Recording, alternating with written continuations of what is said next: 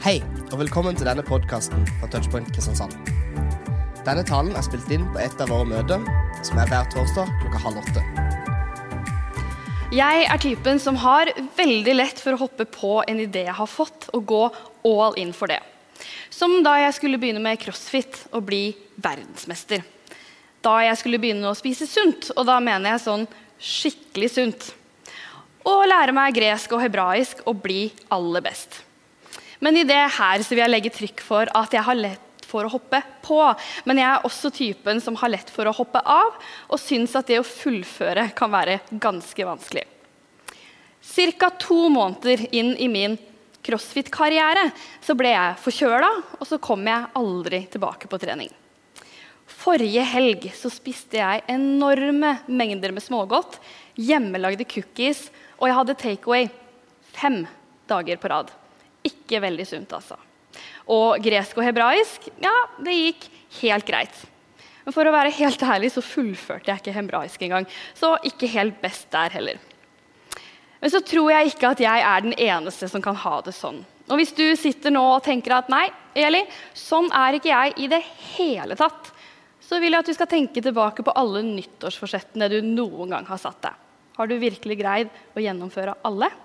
Hvis ja, gratulerer med dagen.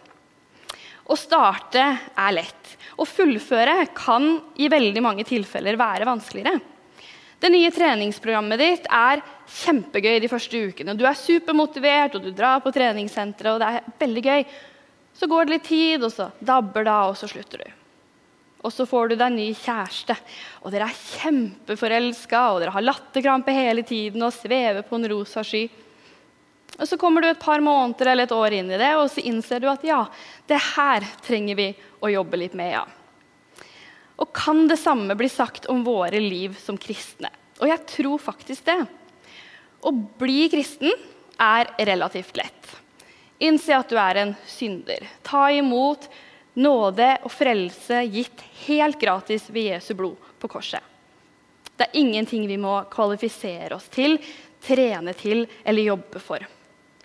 Og Jeg husker da jeg ble kristen. Jeg var 15 år, og jeg var helt bergtatt. Men lite visste jeg at mitt liv som disippel i perioder skulle bli litt vanskeligere. Nå har jeg vært eh, kristen i ti år. Og det har vært ti år med mange, mange humpler i veien, utfordringer og frustrasjoner. Men også ti år med mye glede, fred og håp. For det er sånn livet er, også når vi har valgt å følge Jesus. For vi er alle kalt til å være disipler. Og det er ikke bare på torsdagene på touchpoint eller på søndagene når du er på gudstjeneste. Det er med hele livet, hver eneste dag, uansett hvordan det ser ut. Men så er det ikke alltid så lett å være disippel. Vi som står her på scenen, vi kan få det til å se veldig lett ut. De du følger på Instagram som legger ut en fancy sånn boomerang med en kaffekopp og en bibel, og så står det 'Det er herlig å være frelst', de kan få det til å se lett ut. Og jeg tror aldri jeg har hørt noen si at ah, vet du hva, det her eh, tro på Jesus, kristen, disippellivet, det er ikke så lett akkurat nå, når du spør dem hvordan de har det. For vi vil jo veldig gjerne vise de beste sidene ved oss selv. Og sånn er jeg også. Men heldigvis for meg og heldigvis for alle oss så er ikke vi de første som syns at livet som disippel kan være vanskelig. I den taleserien vi er i nå, så er vi i kapittel 4 i 2. Timoteus brev. Og helt til slutten i det kapittelet så skriver eh, Paulus noen navn. Han lister opp noen navn. Eh, og der skriver han For Demas forlot meg, for han fikk den nåværende verden kjær. Demas han er nevnt tre ganger i Paulus sine brev. Den første gangen Demas er nevnt, det er i Filippe-brevet. Og Der blir han nevnt som Demas, medarbeideren. Han var Paulus sin medarbeider, og de gikk sammen i livet sammen med Jesus. Andre gangen han blir nevnt, er i Kolossebrevet. og Der blir Demas nevnt som Demas. Ikke noe mer og ikke noe mindre. Og så er det nå, da, i andre Timoteus brev hvor han blir nevnt som Demas, desertøren som har fått denne verden, som foretrukk denne verden. Men hva skjedde egentlig med Demas? Vi kan ikke vite helt sikkert. Men da jeg leste det, så begynte jeg å lage meg et lite tankespill. Hvis jeg får lov til å tenke litt høyt, så kan det hende at Demas begynte å følge Jesus uten å være klar over hva det kosta. Og det kan vi egentlig ikke klandre Demas for. Det finnes mange som tenker, og det finnes mange som sier at livet det skal bli så veldig mye enklere når du tar imot Jesus. Og Vi hører det fra scener og vi hører det fra folk vi kjenner, at da skal livet bli perfekt. Da skal du endelig kjenne at du kan smile hele tiden, og alt er fint. Og på en måte, og i den aller dypeste betydning, så er dette også velsigna sant. Men på den andre siden så kan det være nettopp her at vanskelighetene begynner. Når du tar imot Jesus, så får du nye måter å se på verden på. Du får nye måter å se på deg sjæl på, nye måter å se på andre på. Du får nye verdier, nye meninger, en ny rettesnor du skal følge i livet. Og Har man vært lenge i denne verden, så er det ikke rart at det kan bli litt kollisjoner. Plutselig så sto Demas overfor fengsling, forfølgelse, ensomhet og andre vanskeligheter. Og dette var han ikke forberedt på. Eller så kan det rett og slett hende at Demas likte bedre å ha det behagelig enn å følge Jesus.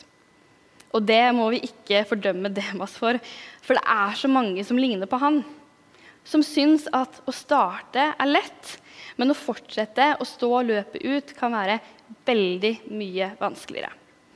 Og så nevner ikke jeg historien om Demas for å skremme noen eller for å si at ja, der kan du se.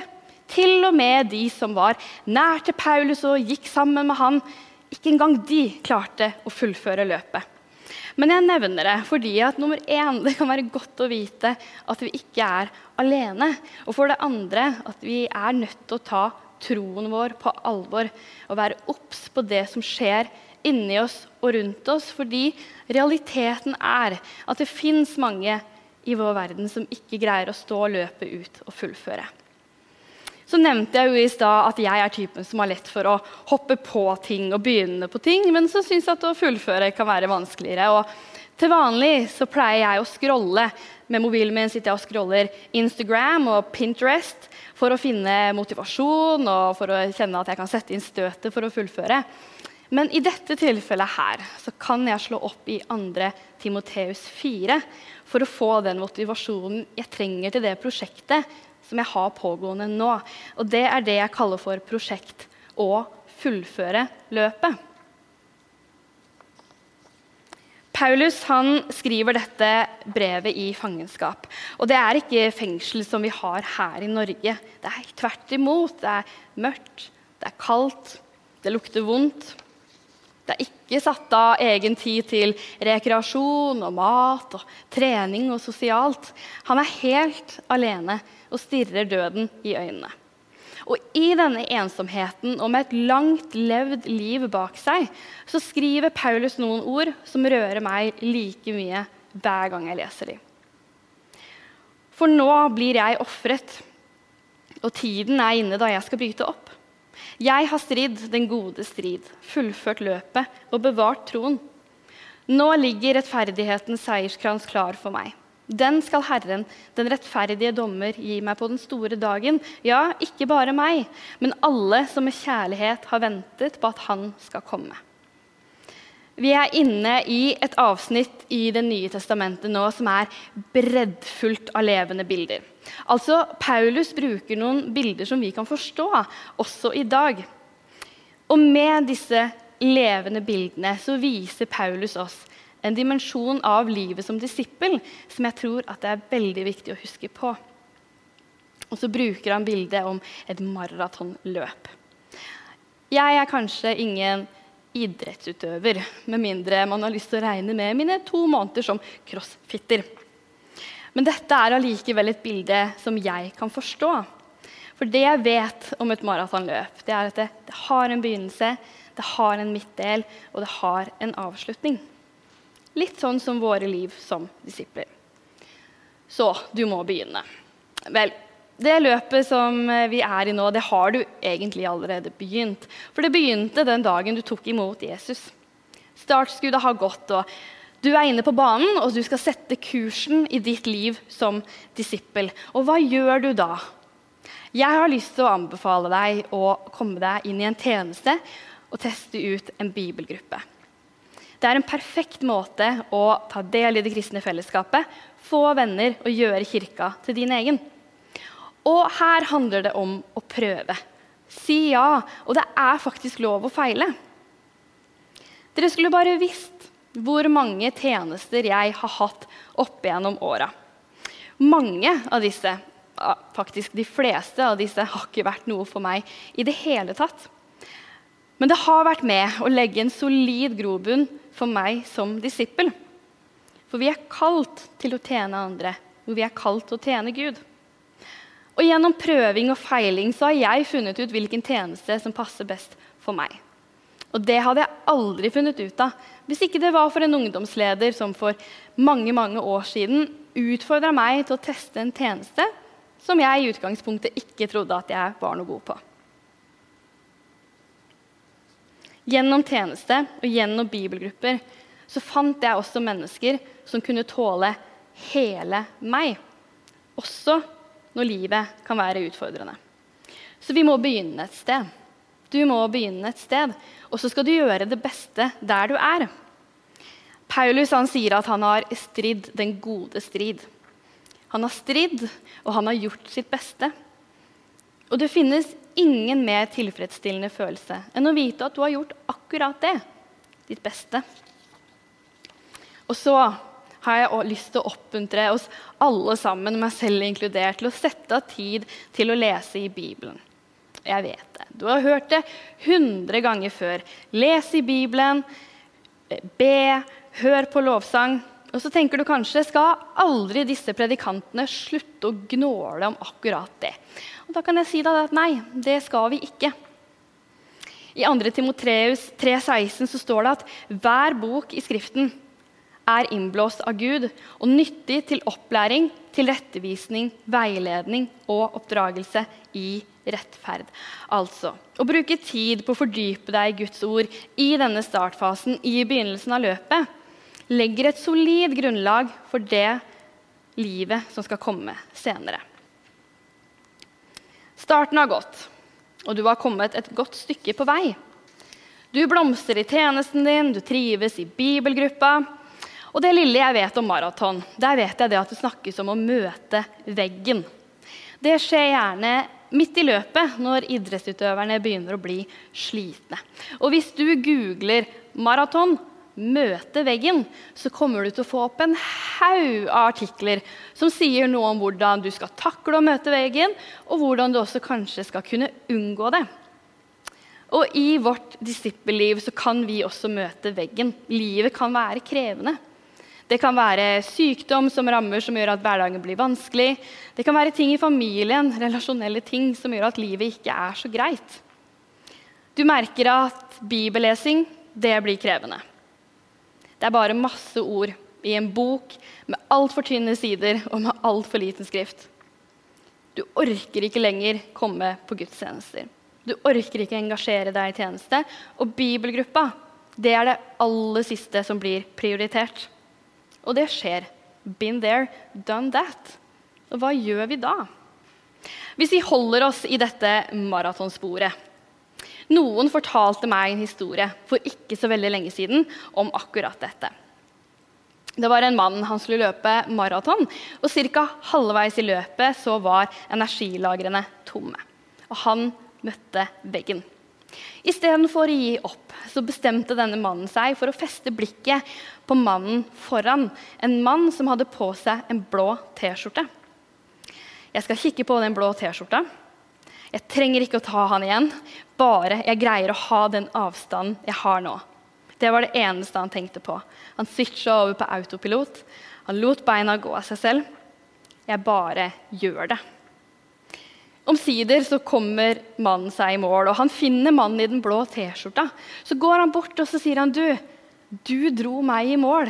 Jeg festa bare blikket på din T-skjorte. Hadde det ikke vært for deg, så hadde ikke jeg greid å komme meg til målstreken. Så sier mannen i den blå T-skjorta at ja, det er vittig at du sier, for jeg gjorde akkurat det samme med deg lenger bak i løpet. Begge fullførte. Og uten at de visste det, så hadde de dratt hverandre i mål. Og den samme muligheten, den har vi. Finn noen som motiverer deg. Finn deg en blå T-skjorte som du kan feste blikket på når du kjenner at du ikke greier å løpe sjøl. Det kan være en pastor, lederen for bibelgruppa di, en god venn. La de dra deg gjennom den delen av løpet hvor du kjenner at 'dette greier jeg ikke alene'. Skru på autopiloten og bare gjør det. Åpne Bibelen din, selv om ingenting av det som står der, gir mening akkurat nå. Sett på lovsang i bilen eller når du er på trening, selv om det kanskje er det siste du har lyst til i hele verden. Og før du veit ordet av det, så er det du som motiverer. Så er det du som drar noen andre. Så blir du noen andres blå T-skjorte som de kan feste blikket på, sånn at du kan hjelpe de med å komme seg gjennom dette løpet. Vi drar hverandre. Og det syns jeg er spesielt godt å vite at jeg har et kristen fellesskap som ønsker å dra meg i mål. Og dette kristne fellesskapet det fikk jeg i begynnelsen av løpet mitt, da jeg engasjerte meg i tjeneste og da jeg engasjerte meg i bibelgruppa. Og så får jeg virkelig bruk for dem når jeg kommer midt i løpet. Hvis en idrettsutøver skader seg, så legger ikke han eller henne nødvendigvis opp. Men de utnytter skadeperioden. De trener de musklene som ikke de har fått trent. Så kommer de tilbake på idrettsstadion, og så er de en enda bedre versjon av seg selv enn det de var før skaden. Paulus skriver til Timoteus i det brevet jeg er inne i nå, kapittel 1, vers 6, at derfor vil jeg minne deg om dette. La Guds nådegave flamme opp i deg på nytt, den du fikk da jeg la hendene på deg. For Gud ga oss ikke noen som gjør motløs. Vi fikk Ånden som gir kraft, kjærlighet og visdom. Også Timoteus trengte kanskje litt drahjelp. Det står at han måtte tenne nådegaven på nytt, at den måtte få lov til å flamme opp i han på nytt. Og på toppen av det hele så vet vi at vi har blitt gitt Den hellige ånd, som gir oss kraft, og som gir oss visdom, og som gir oss kjærlighet, og som alltid går i forbønn for oss, og som alltid vil at vi skal kunne komme oss forbi det punktet der vi kjenner at vi har møtt veggen og ikke føler at vi greier det selv. Og så til slutt fullfør. Fullfør løpet. Fullfør etappen. Fullfør tjenesten. Stå gjennom uansett. I de olympiske leker før i tida så var laurbærkransen det var det gjeveste du kunne få som idrettsmann. Og Paulus han skriver i eh, det brevet vi er inne i nå, at eh, rettferdighetens seierskrans ligger klar for ham. Og den skal Herren gi meg på den store dagen. Dette løpet det er ikke noe du blir ferdig med her på jorda. Og Paulus han brydde seg ikke om dommen som den romerske domstolen skulle gi til ham. Han visste hva dommen skulle bli. Det skulle bli døden. Han var mer opptatt av den dommen som Gud skulle gi. Det eneste som var viktig for Paulus, var å motta rettferdighetens seierskrans og sin Herres ord som sa 'bra jobba'. Det er en mann som heter Bob Groff, og han har skrevet en bok som heter 'Love Does'. Og Der skriver han om en gang han var med i et båtrace. Ikke det at han egentlig kunne så veldig mye om båt, men da han og kameratene hans fant en sport som virka overkommelig, så meldte de seg på. De satte i gang å trene, og det var et stort øyeblikk da startskuddet gikk. Så er det en tradisjon i dette løpet at uansett når du fullfører, om det er morgen eller om det er kveld, så står det en mann i havna der mål er, han roper inn i en ganske stor høyttaler navnet på alle medlemmene om bord i båten. Og så ønsker han hver enkelt velkommen hjem og sier 'bra jobba'. Og Det har vært den samme fyren som har gjort dette år etter år. Og Bob han sparer oss for de fleste detaljene fra dette løpet, men den turen over havet den innebar mye. Hav, naturlig nok, siden de var på havet, stinkende kamerater og noen ganske så kjipe feilnavigeringer. 16 dager etter at startskuddet gikk, så seiler Bob og kameratene hans inn i havna ved mål. Det var rett før solnedgang, og plutselig så bryter stillheten. Den stillheten som du bare finner på havet. Av en mann og en stemme på en høyttaler. Og han, han mannen over høyttaleren han hørtes stolt ut. Han ropte opp alle navnene på medlemmene om bord i båten. Og Det ble et ganske emosjonelt øyeblikk for dem alle. For da han ropte opp navnene til alle om bord i båten, så brydde han seg ikke om alle feilene de hadde gjort. Istedenfor ønska han dem bare velkommen hjem. Og han hørtes ut som en stolt far. Etter at han hadde ropt opp alle navnene, så tok han en pause før han sa, 'Venner, det har vært en lang reise. Bra jobba. Velkommen hjem.'